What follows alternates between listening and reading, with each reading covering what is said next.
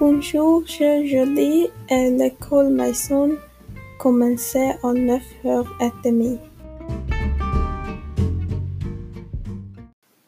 Avant d'être mis en isolement, je me levais à sept heures du matin. Mais maintenant, je me lève à huit heures. Quand je l'école à la maison, je finis à une heure. À midi et demi, c'est le déjeuner. En ce moment, le français et plus j'aurai des maths. Quand l'école est finie, je pars en tournée et j'aide maman avec certaines choses.